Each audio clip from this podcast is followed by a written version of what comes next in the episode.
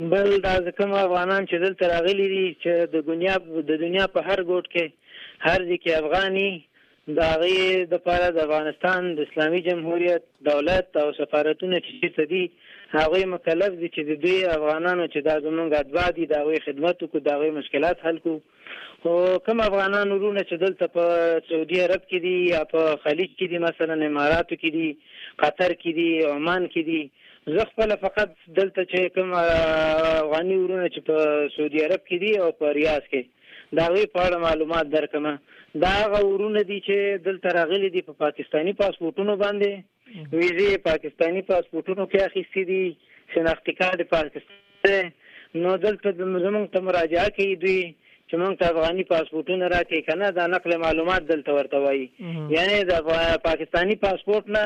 دوی ته په افغاني پاسپورټ کې ویزې ورکړي او اقامې ورکړي چې دغه کار دلته په سعودي عربستان کې تقریباً څلور پنځه ځلې شوی دی، دا د جمهوري اسلامي افغانستان او د سعودي د حکومت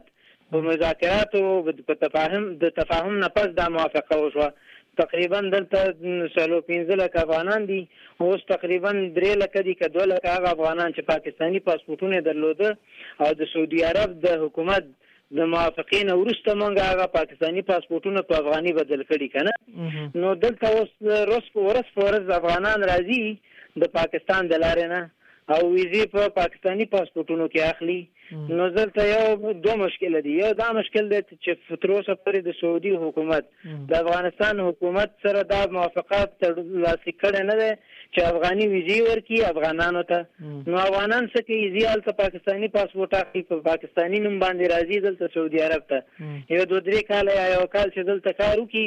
نو بیا څه کوي سعودي سف... پاکستان سفارت دلته په سعودي عربستان کې ریاض کې هلته چې هغوی مراجعه کوي پوهیږي چې دا افغانۍ دی نو هغه ورته نه تمدیدوي او یو مشکل ورته ایجادوي فی الحال هم مونږ د سعودي حکومت سره په مذاکراتو کې یو جناب عابد صاحب مونږ دا د دې مسئلې حل غواړو دا مشکل حلوو خو دلته د سعودي حکومت مونږ ته اجازه نه راکوي وایي مونږ نورو مشکلاتو کې یاست وو، تاسو لږ وخت مونږ ته راکړئ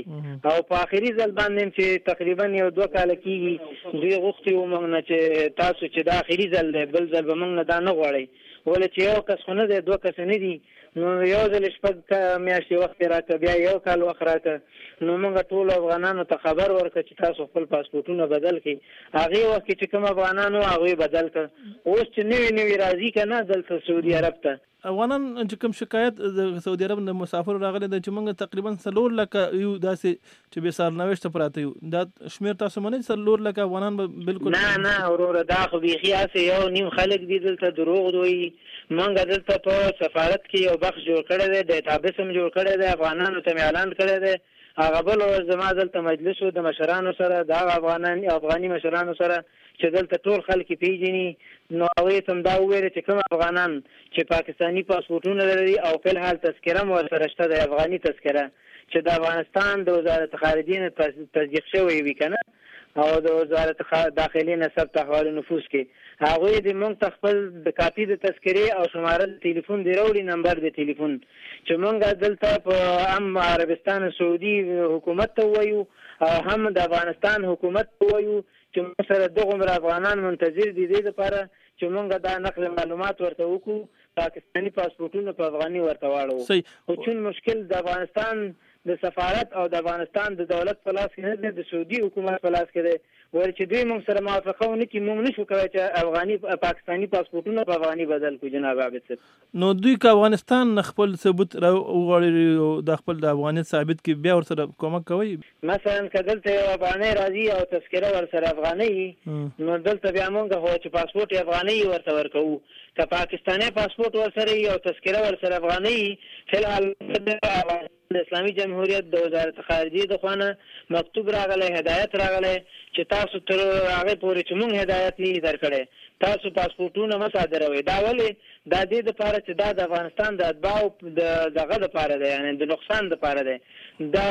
تاسو پوهیږئ چې دلته چې کوم خلک راغلي هغوی په خپل اصلي نومونو نه دي راغلي، هغوی په بدل نومونو راغلي نو که فرضاً مونږ دلته دوی ته یو نوم باندې ورکړو،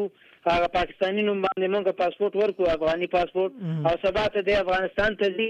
هلته بیا هغه خپل ملکیت نه محرومیږي هغه د خپل اصلي تذکرې نه محرومیږي او سبا به بیا هلته په افغانستان کې بیا چیغې وهي چې زما اصلي نوم دغه و او زما نه خلکو زما مځکې اخیستي زما ملکیت یې اخیستی دی نو دغې لپاره د وزارت خارجه د افغانستان د خلکو د مشکل لپاره فی الحال موږ ته ویلي دي چې تاسو صبر وکړئ چې موږ یو ښه د حل لاره وګورو، همدا اوس رئیس جمهور هم په همدې مشکل باندې غور کوي، هلته موږ وزارت خارجې پیشنهاد کړی دی رئیس جمهور ته، شورا د امنیت ته چې دغه افغانان چې دلته پراته دي او دغسې مشکلات لري، چا درې کاله، چا دوه کاله انتظار کړی دی او کورونو ته نه دي تللي، یو مریض دی، یو جیل کې دی او مثلاً یو غریبکاره دی، د دې د حل لپاره موږ ته هدایت راکړي نو همدا اوس رئیس جمهور هلته هغې سره په شورا د امنیت کې پیشنهاد د وزارت خارجیې پروت دی چې دې لپاره یوه صحیح لاره وګوري چې سبا ته هغه افغانان چې دلته په بدل نومونه راغلي چا هم یې تذکرې دلته صحیح شي او هم په افغانستان کې د خپل ملکیت نه او د نورو دغه نه محروم نشي. ډېره ډېره مننه کوم محترم فیاض احمد حمیم کاکړ صاحب.